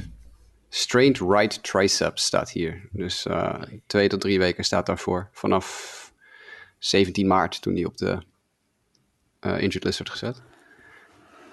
Met Odor is er wel wat fighting spirit ook in Baltimore bijgekomen. ja, dat is ook het enige positieve. Maar ja, ja het is inderdaad, uh, ik denk wat Sander zegt inderdaad. Kijk, Toronto inderdaad is, is het meest actief geweest. Dat, dat zie je dan graag beloond worden. Want ja, ik heb terug bij de Red Sox en de Yankees. Ja, ik weet het niet. Ik weet het gewoon echt niet. Het zijn, ja, ze kunnen zomaar weer een, een, gigantisch goed seizoen. Maar vooral bij de Yankees, als ik naar die line-up kijk... en ook een beetje de, de blessurehistorie van bepaalde spelers... Eh, willen we, willen we vorig jaar hebben ze, hebben ze het uiteindelijk ook gesloft. Tenminste, om maar uh, met een bepaalde term te benoemen. Maar toen waren we eigenlijk ook vrij kritisch op de, op de pitching. Misschien moeten we dat dit jaar nog wat meer zijn dan, in, uh, dan vorig jaar. Maar uiteindelijk hebben ze wel gewoon de play-offs gehaald. En uh, ja. ook in een record dat je toch wel zegt van... nou, er zijn heel wat teams die dat, die dat niet wisten te bereiken. Ik, dat is waar, ja. ik weet niet hoe, maar dat is toch wel ja, knap. Bij de Orioles missen ze natuurlijk ook nog, om eventjes over top prospects te hebben, Heston Kierstad, waar we het een paar jaar geleden de draftshow over hadden, Justin, die, uh, die outfielder. Mm. Die jongen die heeft ook echt een dramatische profcarrière tot nu toe. Hè. Vorig jaar het hele jaar op de bank gezeten, of in ieder geval thuis op de bank gezeten met myocarditis, uh, die, die hartontsteking. Uh, die ook, volgens mij Eduardo Rodriguez had het ook toch, Sander? Ja. ja. Ja, nou, dat heeft hij dus een jaar mee gemist. En toen was hij in, uh, in spring training met de minor leaguers een paar weken geleden. En heeft hij zwaar zijn hamstring uh, geblesseerd. Echt zwaar. Hij ligt er nog drie maanden uit. Dus die jongen die heeft nog echt geen pro-carrière gehad. Hij was de nummer 1 draftpick in 2020 en heeft zowat nog geen, uh, geen professioneel... Hij heeft letterlijk nog, geen, nog niet gedebuteerd. Want hij was licht geblesseerd toen hij gedraft werd. Heeft het hele seizoen vorig jaar met myocarditis gemist. En nu heeft hij zijn hamstring uh, kapot. En ligt hij, ligt hij er ook drie maanden uit. En het is echt een, echt een jongen die een significant onderdeel uit zou maken van de nabije en lange termijn toekomst van de, van de Baltimore Orioles. Want hij zit ook echt zo dicht op zich, zeg jij tegen, tegen het Major League team aan? Nou ja, misschien nu niet meer. Dat zat, zat, hij in 2020 wel. En toen, toen was het echt een kwestie van waarschijnlijk, uh, nou, misschien één seizoen in de minor league. En dan zou hij toch wel langzamerhand klaar moeten zijn om in ieder geval gedurende het seizoen erna opgeroepen te worden. Maar dat is nu zeker niet, uh, zeker niet aan de orde. Die jongen heeft letterlijk nog, die heeft sinds 2020, sinds mid 2020 geen wedstrijd meer gespeeld. Nee, sinds begin 2020. Want dat was natuurlijk het jaar dat uh, het college seizoen in maart al afgelast werd vanwege corona. Dus de jongen heeft sinds maart 2020 letterlijk twee hele jaren geen bal meer gespeeld zo ongeveer. In ieder geval niet in wedstrijdverband. Ik zie hem ook inderdaad voor, voor komend jaar staat ik helemaal niet bij de top 100 prospects inderdaad. Voor nee, hij is gewoon helemaal, helemaal uitgerangeerd. De jongen heeft gewoon nog... Ja, hoe kan je nou iemand beoordelen die niet speelt, weet je wel? Hmm. Hij, hij scheurde zijn hamstring of hij verrekte zijn hamstring... of wat er ook mee gebeurd is toen hij een Adley Rutschman line drive wilde vangen. Dus hij probeerde de, de nummer 1 prospect, Rutschman, sloeg een bal waar de nummer 2 prospect zwaar geblesseerd doorraakt. Dus dat is dan weer jammer. Maar dat is echt zonde, want het is een goede honkballer. Nou, dat is dan helaas. Is ook inderdaad uh, ja, een van de weinig noemenswaardige dingen die we helaas nou. nu rond de Orioles te, te, melden hebben. Want inderdaad, nou ja, wat Sander het aan had, zal vooral tussen die top 4 gaan. Uh, met uh, de big spending Red Sox en Yankees. Nou, de Blue Jays ook wat op zekere hoogte. En dan een race team een ding doen. ja, Mike, wie, wie zie je uiteindelijk als, als winnaar erbovenuit komen? Ondanks dat er waarschijnlijk meer dan één playoff team uit deze divisie gaat komen. Wie, wie gaat kampioen worden? Kijk, ik, het, er is ook altijd een team dat heel veel geld uit heeft gegeven en dan teleurstelt. En ik hoop voor de, de Blue Jays dat het niet bij hun het geval is. Uh, uh, dat de verwachtingen te hoog zijn uh, ten opzichte van, van wat ze daadwerkelijk waar weten te maken. Ik, ik, denk dat, ik denk toch dat de Rays op de een of andere manier een manier vinden om toch wel weer deze divisie ja. te winnen eigenlijk. Dus, en, en daarna vind ik het heel lastig. Maar ik zou het leuk vinden als het Toronto, New York, Red Sox, Orioles wordt. Maar het zou drie teams, drie teams wildcard. Hè? Dus het zou in theorie kunnen dat gewoon alleen de Orioles in deze divisie niet naar, naar de playoffs gaan. Uh, om maar even gewoon het krachtig nou ja, dat zou inderdaad wel. Wat even kijken, hoe was het dan vorig jaar uitgevallen? Ja, ik wil net zeggen. Afgelopen seizoen was het zo. Tenminste, niet... niet uh, ja, precies, want er waren de Mariners net minder, maar het was wel zo Blue Jays geëindigd. Die in dat vierde eindigde in de AL East, ja. ja. Het zou ja, zomaar toen, kunnen. Het was echt een... Uh, was heel lang spannend tussen vier teams en de Blue Jays uh, grepen er net naast. Maar eigenlijk waren die de laatste weken de betere ploeg. Ja. Zeker ten opzichte van de Yankees, die volgens mij uh, wegzakten. Ik vind het ja, alleen wel pijnlijk zit dan trouwens niet te kijken. Dat dus de Mariners zelfs als het systeem van komend jaar vorig jaar dat was geweest, hadden ze het ook net niet gehaald. dat is dan wel weer pijnlijk voor uh, alles wat Seattle lief, lief heeft. Um, Jasper, jij, ja, heb jij dan nog een hele andere mening dat je denkt van, nou, ik zie juist de Red Sox of de Yankees er bovenuit komen als uh, divisiewinnaar? Ik denk dat de Red Sox wel een kans hebben. Ik weet gewoon, weet je, de, Blue Jays zijn een team waar iedereen, sorry Sander, waar iedereen in deze divisie gewoon voor, voor is. Ook al ben je geen fan van een van de vijf teams in die divisie. Ik denk dat iedereen gewoon de Blue Jays een leuke organisatie vindt. Ten eerste is de organisatie goed gerund. Ten tweede lopen er allemaal jonge spelers die het spelletje heel leuk vinden en er ook vooral heel goed in zijn. En ik denk dat dat natuurlijk voor heel veel mensen uh, altijd uh, meer ja, een soort van aantrekkingskracht heeft dan de teams die gewoon hun shit bij elkaar kopen, zoals de Red Sox en de Yankees. Ik denk dat die aankoop van Trevor Story heel veel neutrale honkbalfans, dan heb je de Red Sox ook weer, eye roll, weet je wel. Uh, we, kunnen, we kunnen het zelf niet, dus dan smijten we maar weer een afzichtelijk bedrag geld naar een speler die het eigenlijk helemaal niet waard is. Dat chargeer ik nu een beetje natuurlijk, want het, je snapt wat ik bedoel. Uh, dus ik denk, ik denk dat dat gewoon het grootste probleem is. Hebben de Red Sox en de Yankees voldoende talent? Ja, natuurlijk. Het zijn steeds goede teams. Het, uh, er hoeft maar één ding fout te gaan. Er hoeft maar een Vladi Guerrero zijn Achilles af te scheuren of zo. En het is bij de Blue Jays ook een heel ander verhaal. Alleen, um, ik denk op papier dat de Blue Jays favoriet zijn. En dat heeft vooral te maken met het feit dat de Yankees gewoon niet, niet beter geworden zijn dan vorig jaar. Sterker nog, dat is helemaal niet. Die hebben ook geen pitching. Dus dan zie ik de Red Sox nog hoger eindigen dan de Yankees. Hmm. Ja. Ja, ik, zit er, ik, ga er denk, ik ga er denk wel in mee dat Toronto... Uh, niet eens dat ik het zozeer gun, maar dat ik ook echt wel denk dat ze de divisie kunnen gaan grijpen.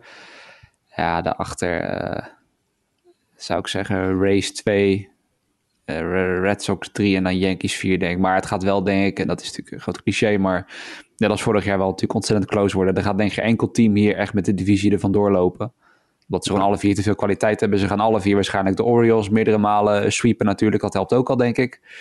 Qua overwinningsaantal. Uh, dus ja, het neemt niet weg dat ik denk wel qua, nou ja, als je kijkt naar de contenders, dat het wel in dat opzicht de meest leuke divisie wordt. Behalve voor de Orioles fans, die... eh, ja, Ja, die kunnen weer- beter een jaartje vrij nemen, ja.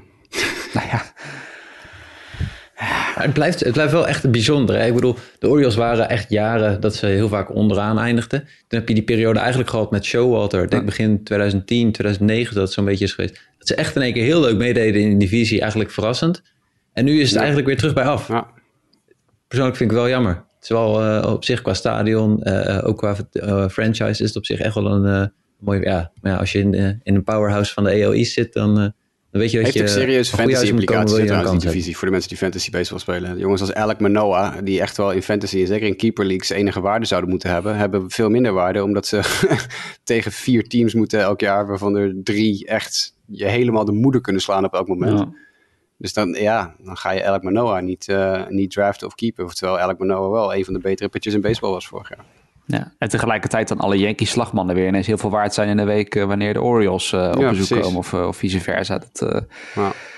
nou ja, maar ja, om af te sluiten, Mike, wat je zegt met de Orioles, het is wel echt de doodzonde. En tegelijkertijd, ik bedoel, laten de Rays al jarenlang zien dat het dus ook kan, eh, met een niet hele dikke, dikke portemonnee. Maar ja, de Orioles op een of andere manier willen het maar niet. ze hebben natuurlijk al meerdere top picks gehad. Nou, dan horen we net natuurlijk weer dat met een van die top picks echt alles behalve goed gaat.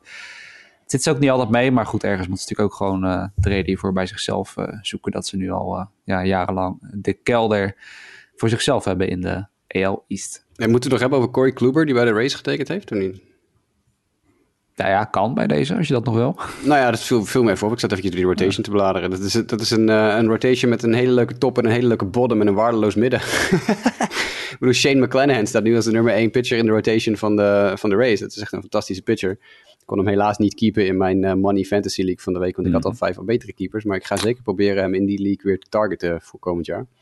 En dan heb je Drew Rasmussen. Eh, oké.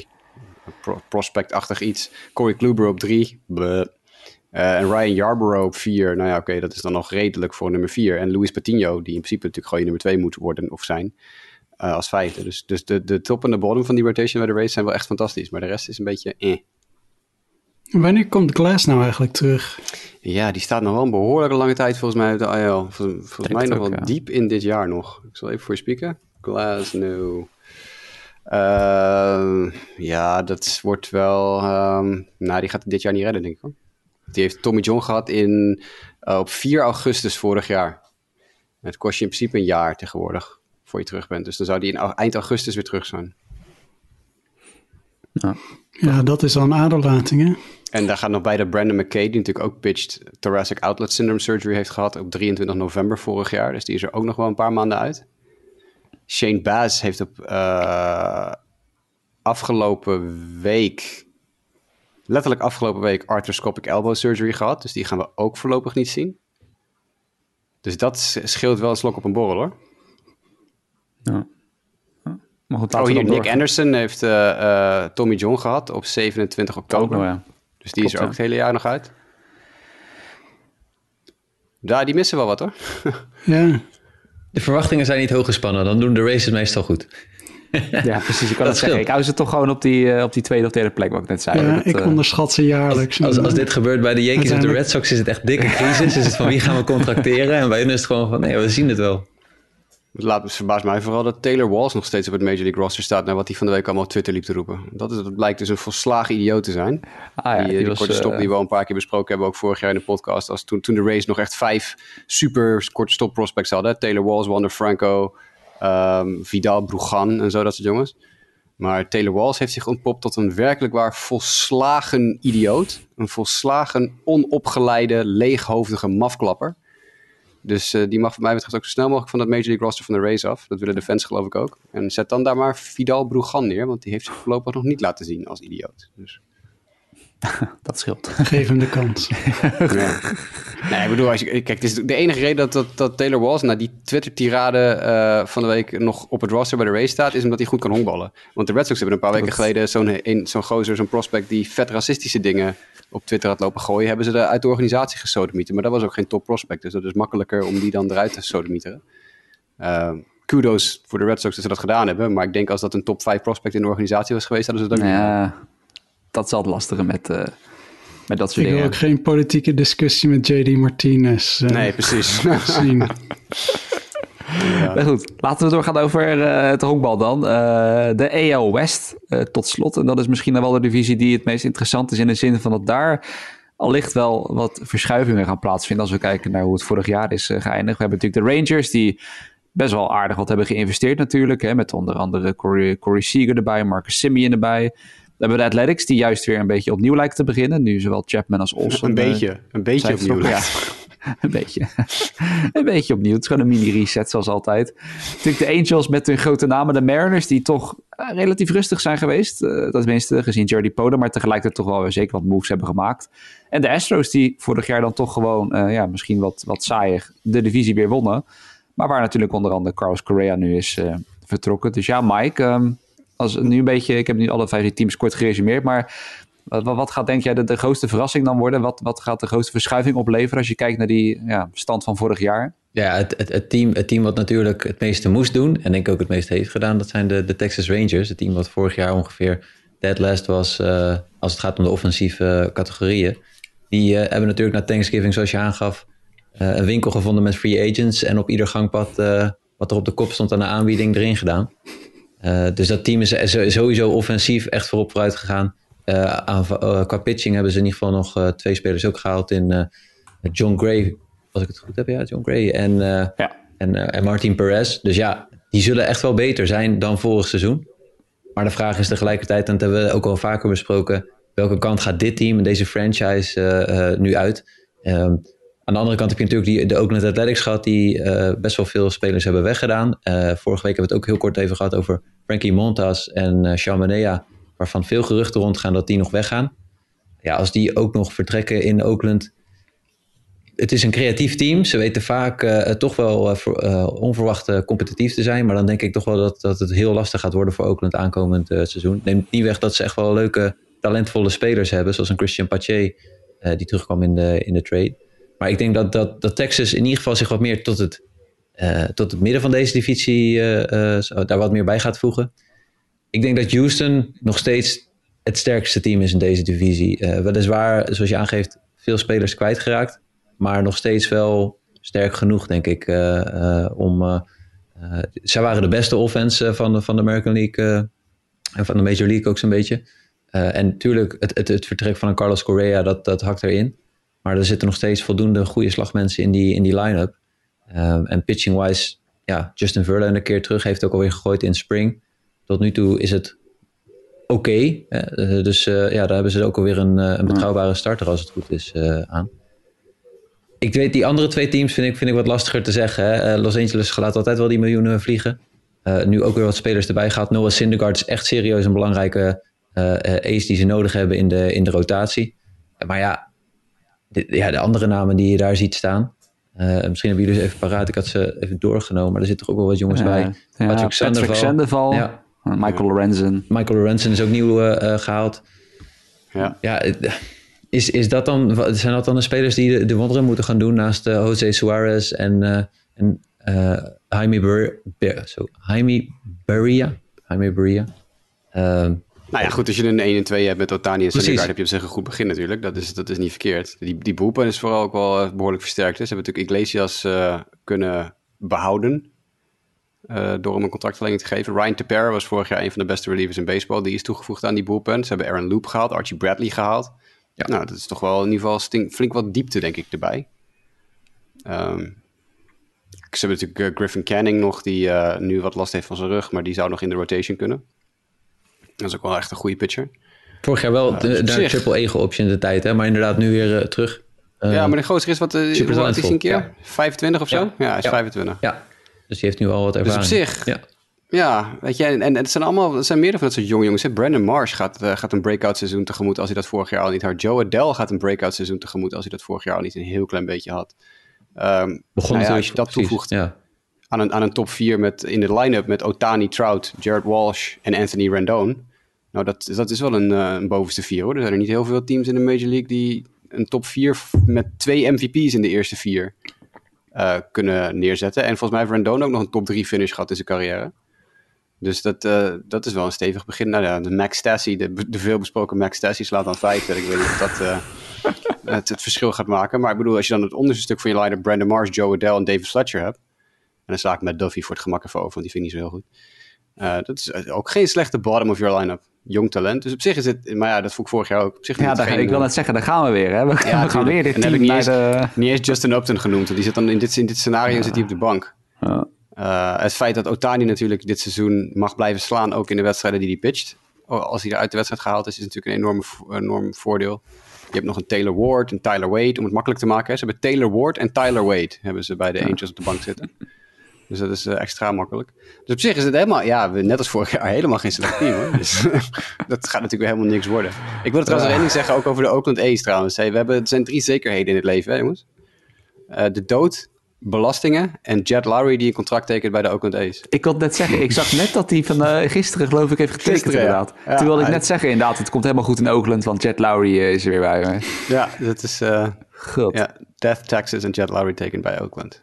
En het hoogtepunt van het uh, Oakland Athletics team is natuurlijk Sky Bolt op de bank. Die naam is fantastisch. Sky Bolt. Ja, ik wilde nu zeggen dat Jet, Jet Lowry renaissance op 38-jarige leeftijd. Maar... Wat, voor de rest dat inderdaad... ja? Ja, hij ik was even benieuwd. Eh, Het team wat we nog niet echt beschouwen is natuurlijk jouw team, eh, Justin, de Seattle Mariners. Eh, wat kunnen we daarvan verwachten dit seizoen, denk jij? Nou ja, het is... eh, kijk, vorig jaar waren ze natuurlijk nou ja, relatief dichtbij. Uiteindelijk eindigen ze natuurlijk nog achter de Blue Jays. Hè? Maar met het systeem van komend seizoen hadden ze het dus op één wedstrijdje bijna de playoffs gehaald. Eh, het is in ieder geval weer hoop, laat ik het zo zeggen. En vorig jaar had er ook een paar, paar, paar jongens als een Abraham Toro die ze hadden gehaald eh, bij, bij Houston. Die dan ineens toch aardig blijkt te kunnen honkballen. Jared Kelenic die natuurlijk hè, met zijn ups en downs gewoon wel denk ik uiteindelijk een nou ja, prima eerste, prima debuut seizoen had.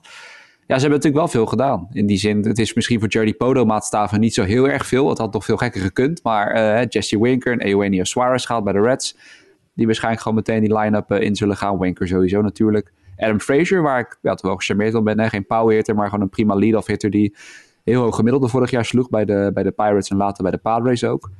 Uh, en dan hebben we natuurlijk Robbie Reyes. Hij rekende erop dat Robbie uh, ja, seizoen vorig jaar bij de Blue Jays dat het geen vloek was en dat hij dat voort kan zetten. En dat hij nu de echte ace kan worden van die, van die line-up. Zodat er misschien iets minder druk zit op Marco Gonzalez. Uh, en verder ook hoop dat Logan Gilbert natuurlijk zijn ontwikkeling uh, voortzet. Dus er is genoeg hoop. Alleen jammer dat Kyle Lewis natuurlijk nog niet erbij gaat zijn. Hè. Die is nog steeds herstellende van zijn meniscusblessure. maar ja, er is hoop. En uh, kijk, vorig jaar kwamen ze net tekort. En moet je altijd oppassen. Ik denk niet dat ze de divisie gaan pakken. Maar ik denk wel weer dat ze echt dichterbij kunnen komen dan misschien toch veel mensen wel denken. Omdat het toch altijd bij de Mariners natuurlijk, hè, gezien de historie, dan wordt gedacht van, nou, dat, dat valt wel mee. Maar ja, vorig jaar ze zaten nog maar vijf wedstrijden achter de Astros, hoor. En ze zijn niet per se zwakker erop geworden. Dus ik weet het niet. Ik heb toch hoop, maar ja, daar moet je altijd mee oppassen. Nou, dit is op zich wel terecht, denk ik hoor. Want als je kijkt, het, het, het, er zitten best wel een paar goede teams in deze divisie, maar ze zitten niet zo heel gek ver bij elkaar vandaan. Nee. Ik bedoel, Mariners en Astros en een Angels en een Rangers. Ik denk dat die vier, dat het, nou ja, ik wil niet zeggen letterlijk alle kanten op kan, maar letterlijk alle kanten op kan. Ja. Weet je, dat is, dat is, er is altijd wel, er zijn positieve dingen aan die, aan die teams op te noemen. Er zijn ook negatieve dingen aan die teams op te noemen. Ik bedoel, ja, in principe zou je zeggen, de Astros zijn natuurlijk nog steeds favoriet. Want wat zijn ze kwijtgeraakt? Carlos Correa, ja, dat is een heel belangrijk uh, schakel in de line-up. Maar wat hebben ze nog steeds er rondlopen? Altuve, Brantley, Bregman, Alvarez, Gurriel, Tucker. Weet je wel? Het is niet alsof het in één keer ophoudt. Ja. Weet je wel? Uh, plug een Aletmis Diaz tijdelijk op korte stop. En je hebt ook prima stopcap. Je hebt ook nog een Jeremy Pena rondlopen die het ook nog zou kunnen doen. Nou, dan heb je een rotation uh, in Houston met Verlander, Valdez, Garcia, Urquidy en Javier. Jongens die het allemaal hebben laten zien. Ja. Dat ze het in principe kunnen. Nou ja, ja, goed, Verlander is bijna 100 inmiddels. Ruim over de 39. dus die, die kan ja, ook net zo goed uit elkaar vallen. Maar blijft Justin Verlander. En hij heeft net een jaar, anderhalf jaar niks zitten doen. Want hij had natuurlijk uh, Tommy John. Dus weet je, wie weet komt hij ook weer helemaal terug. Uh, bullpen, letterlijk niks veranderd. Op Hector, de toevoeging van Hector Neres na. Dus die hartstikke goede bullpen van de Astros van vorig jaar... is in zijn geheel zo teruggekomen. En hebben Hector Neres erbij gehaald. Nou ja, dit zijn allemaal echt gewoon uitstekende, uitstekende dingen. Uh, Lance McCullers is natuurlijk nog steeds geblesseerd, maar die keert op een gegeven moment ook terug. Nou, dan heb je gewoon zes Major League caliber starters en een steengoede bullpen en een hartstikke diepe line-up. Dus in principe denk ik dat de Astros gewoon weer favoriet zijn voor die divisie. Maar het is zeker niet zo dat het ze cadeau gegeven gaat worden dit jaar, want ik denk dat Mariners, Angels en zeker ook de Rangers er alles aan gaan doen om, om het ze moeilijker te maken. Ehm, en dat is denk ik voor die divisie op zich en voor baseball ook heel goed. Want als we altijd maar weer die, de trash throws uh, de playoffs in gaan schrijven, dan is het ook weer zoiets. Nou ja, zeker. Nou ja, en met de Mariners, ik merk dat ik nu mezelf toch meteen heel veel hoop zit aan te praten. Doe het niet, dit jaar doe het worden, niet. Maar... Doe het niet. ja, het is al zo. Kijk, vorig jaar, jarenlang was eigenlijk de boelpen het probleem. Die was vorig jaar prima. Nou, die is vrijwel, uh, vrijwel intact gebleven met een, een paar die er wel uh, zijn weggegaan. Maar de, de sterkhouders zijn er nog wel. En ja, de, de, de zwakte was vooral uh, de, de offense, die gewoon net niet elke keer dat laatste stukje kon, kon toevoegen. Nou, met denk Frazier, Winker en Suarez heb je denk ik een prima trio toegevoegd, wat in ieder geval wel voor een booster in zorgt. Vooral als Winker natuurlijk zijn ontwikkeling van vorig jaar kan, uh, kan voortzetten bij de, bij de Reds, toen hij een prima jaar had. Ja, de starting pitchers, het enige probleem is dan wel bij dat soort dingen. Uh, dan denkt de Astros inderdaad net wat makkelijker klappen op kunnen vangen. Terwijl als bij de Mariners een, starting pitcher uit de top 3 of top 4 uh, verdwijnt, ja, dan kom je wel al sneller in de problemen. Dat er gewoon niet zo heel erg veel achter zit, denk ik. En ook in de line-up dat er gewoon niet heel erg veel achter zit. neemt natuurlijk niet weg dat Julio Rodriguez natuurlijk, hè, de top prospect, hopen dat die misschien, ik weet het niet Jasper of jij de oog op hebt, maar misschien einde van het jaar of zo uh, zijn ja, opwachting kan maken. Maar ja, hoor, kijk, natuurlijk veel um, Mariners fans kijken daar naar uit natuurlijk. Hè, wat hij dan met een fitte Lewis kan doen in het outfield. En met Kellenic natuurlijk. Dat is natuurlijk... Uh, ja, dat is het outfield van de toekomst. Ja, om, te, om te likken inderdaad. Dat is, ja. ja, dat is niet verkeerd. Dat, nee. uh, daar kan je wel, dan moet je er natuurlijk wel eventjes zorgen dat je Steven Souza Jr. achter je houdt. maar dat moet lukken. Hoop nee, dat, wel, dat, ja. is, dat, is, dat, uh, dat, die heeft wel een kans om serieus uh, mee te gaan doen dit jaar. Ja. Ik denk dat dat wel. Uh, dat, hij is de nummer twee prospect in baseball. Nummer drie. Oeh. Zoiets. Dag twee. Volgens mij twee achter Bobby Wood. Of, nee, of Rutschman is twee misschien. Ja, en dan, hij drie. en dan Rodriguez drie. nou ja, vier goed, staat hij. Vier. vier. Nou, hier. Echt super hoog. Ja. Ja. Dus dat is, dat is, ja. Ik zou hem heel graag zien. En het lijkt me fantastisch om hem en Kellenic en Lewis met z'n drie in het outfield te zien. Alleen Lewis, ja, die kan maar niet op het veld blijven. Iedere keer, dit is de vierde knieoperatie in de laatste vijf jaar. Dus.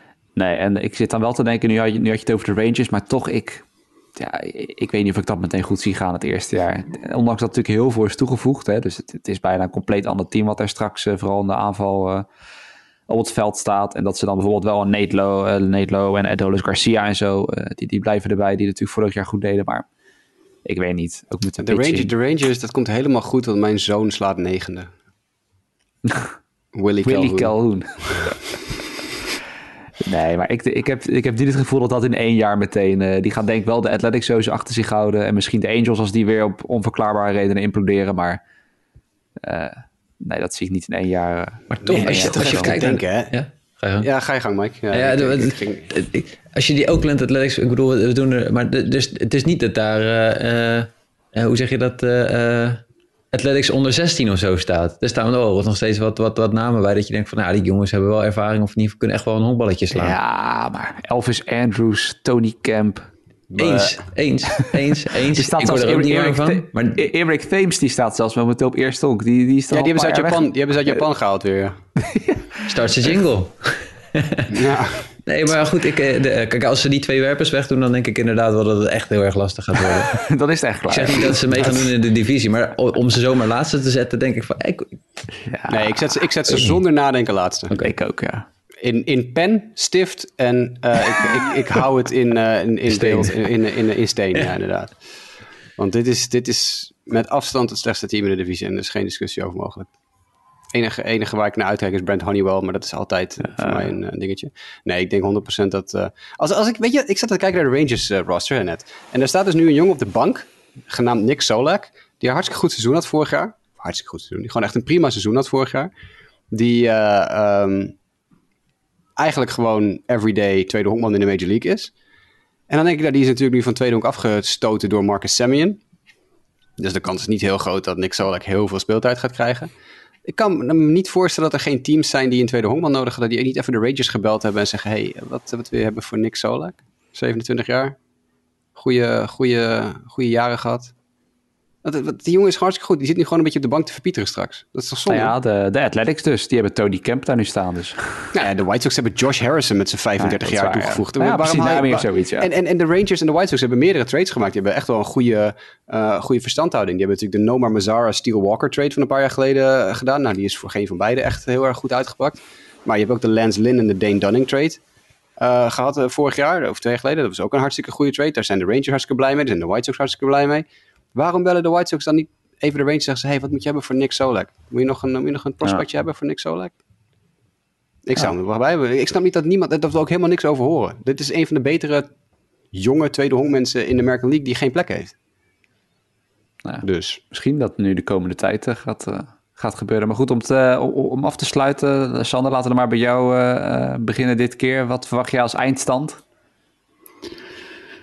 Eh, ja, ik hoop eigenlijk vooral ook dat eh, de Angels fit blijven. Dat Trout gewoon op het veld eh, staat het hele seizoen. Dat Otani eh, geen blessures krijgt. En dan denk ik dat zij in de buurt kunnen komen. Ja, ik denk toch dat de Astros 1, ehm, Angels 2, Mariners 3, Rangers 4 en Ace 5. Maar ik vind dit al hele lastige. Ik denk dat deze teams kwetsbaarder zijn voor het wegvallen van één of twee spelers. Dat er dan heel veel kan verschuiven dan eh, andere divisies. Ik bedoel, Ace laatste, dat, dat vul ik ook wel zo in. Maar eh, een blessure van een van de nieuwe krachten, als Corey Seager wegvalt, dan is Rangers denk ik. eh, Nee, want dan schuiven, ze Sammy in, dan schuiven ze Sammy in een korte stop... en zetten ze Nick Solak op het tweede honk. Probleem opgelost.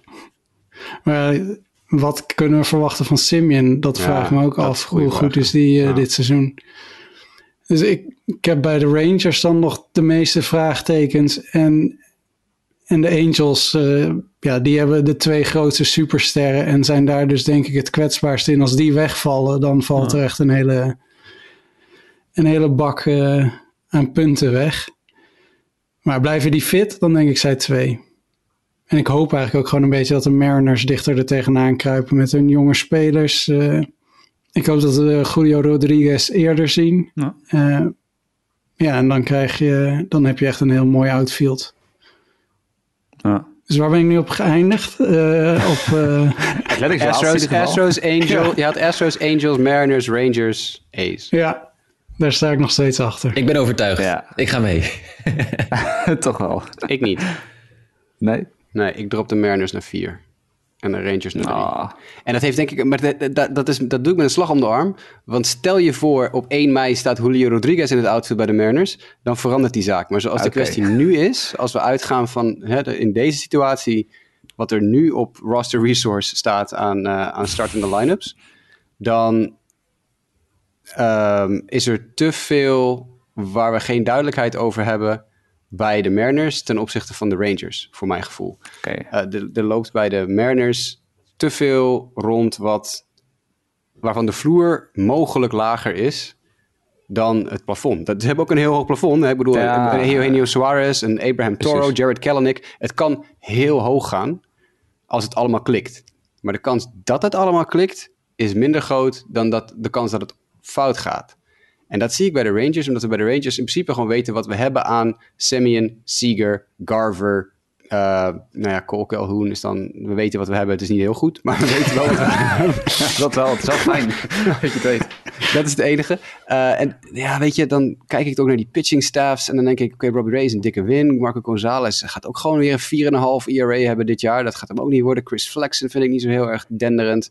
Logan Gilbert is, ja, kan heel goed worden, maar kan ook gewoon weer door het ijs zakken. Matt Brash heb ik überhaupt zo er nooit van Nee, gehoord. daar had ik nog nooit van gehoord. Dat verbaast me wel. Dus dat, dan denk ik, ja, dan heb ik dan misschien toch liever het, de, het, het vijftal, of in ieder geval het viertal, Gray, Perez, Dunning, Hearn. Ik ben ook wel wel een liefhebber van Taylor Hearn, wat hij in ieder geval de minors gedaan heeft. Ehm, en daar zit dan een AJ Alexi achter, die ik ook weer niet zo goed kan peilen.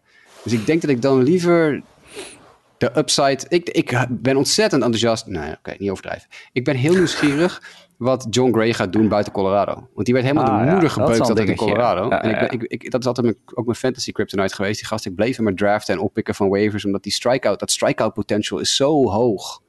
Die jongen die kan gewoon echt gewoon 14 strikeouts per 9 innings gooien als hij even niet uitkijkt. Alleen niet in Colorado. Wat gaat hij doen in, in, in Texas? Ja. Dus ik, ik ga dan voor de Rangers net boven de Mariners en eh, de A's uiteraard laatste. Maar dit is, ik ben het helemaal met Sander eens. Als er bij de Angels iets fout gaat en een Otani raakt geblesseerd of een Trout raakt geblesseerd, dan stort dat hele team als een kaartenhuis in. Dus dit, we gaan natuurlijk bij alle teams uit van eh, optimale gezondheidssituaties.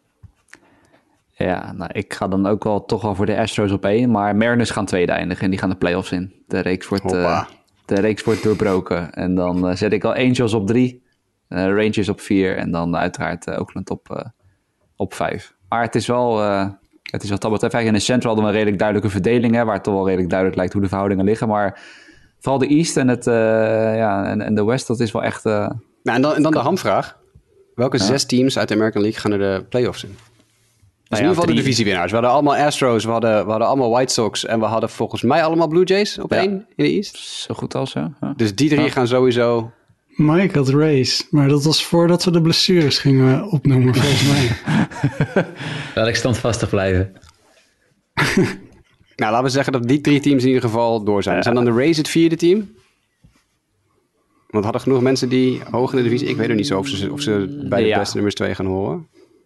Ja, maar dan kom je wel op de keuze. Worden het de Red Sox, worden het de Yankees? Nou, dan zou ik toch weer eerder Red Sox leunen dan, dan Yankees of Rays zelf. Ik denk in ieder geval niet... Nou ja, alhoewel, het zou zomaar kunnen. Ja. Het, zou- het zou zomaar kunnen dat er uit de AL East maar één team... Ja, toch wel, omdat dan... met die nieuwe regels, hè? Je kan drie teams uit één divisie kunnen naar de playoffs, in principe, met die nieuwe regels. Dus het zou kunnen zijn dat we bij wijze van spreken White Sox Twins, Astros, Mariners, Angels, noem maar voor wat, en de Rays of zo. Volgens mij is dat een mogelijkheid met het nieuwe systeem. Dat we drie teams uit één divisie krijgen. Ja, Ja, poeh. Huh. Eh, ik denk, ja...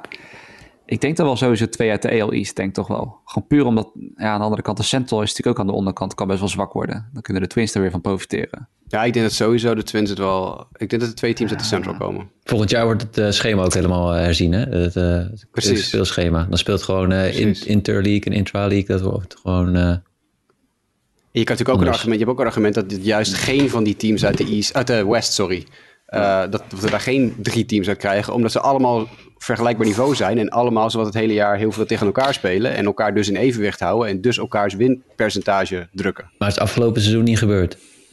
Nee, dat is afgelopen seizoen niet gebeurd, nee, maar er is wel veel veranderd in die divisie natuurlijk. Ja. Ha, Ik denk volgens mij de AL East heeft volgens mij ook wel aardig aan huis gehouden in de NL East.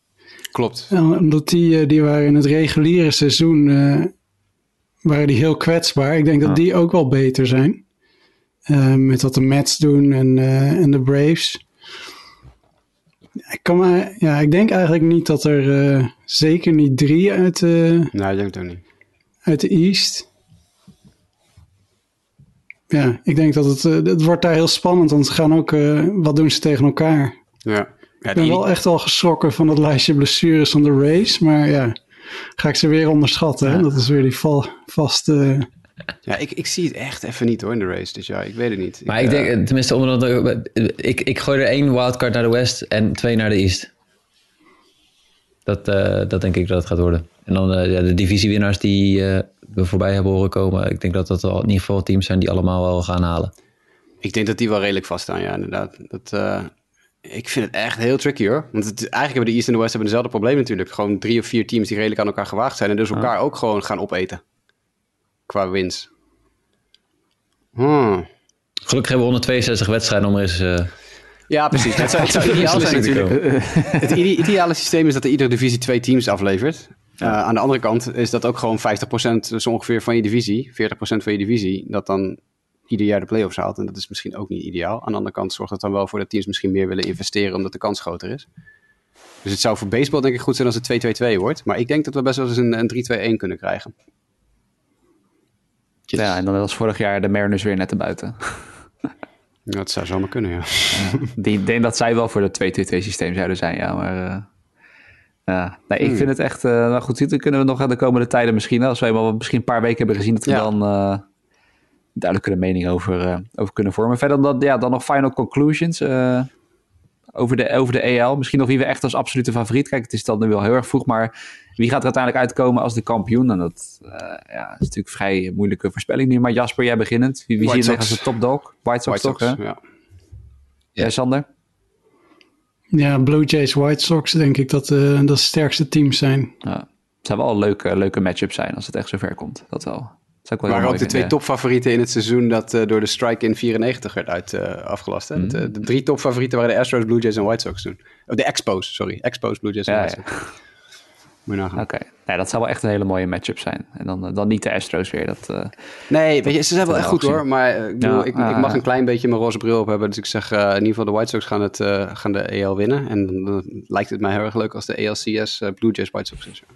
Ja. Ik, weet, ik weet überhaupt niet of dat mogelijk is hoor in het schema. Maar dat, eh, Dat zullen we dan, eh, zullen we dan gaan zien. Nou goed, dat was hem dan denk ik wel wat betreft de American League eh, preview. Wil ik jullie alle drie allemaal hartstikke, hartstikke bedanken. Mensen ook bedanken voor het luisteren. En volgende week, eh, ja, dan gaan we natuurlijk de National League previewen.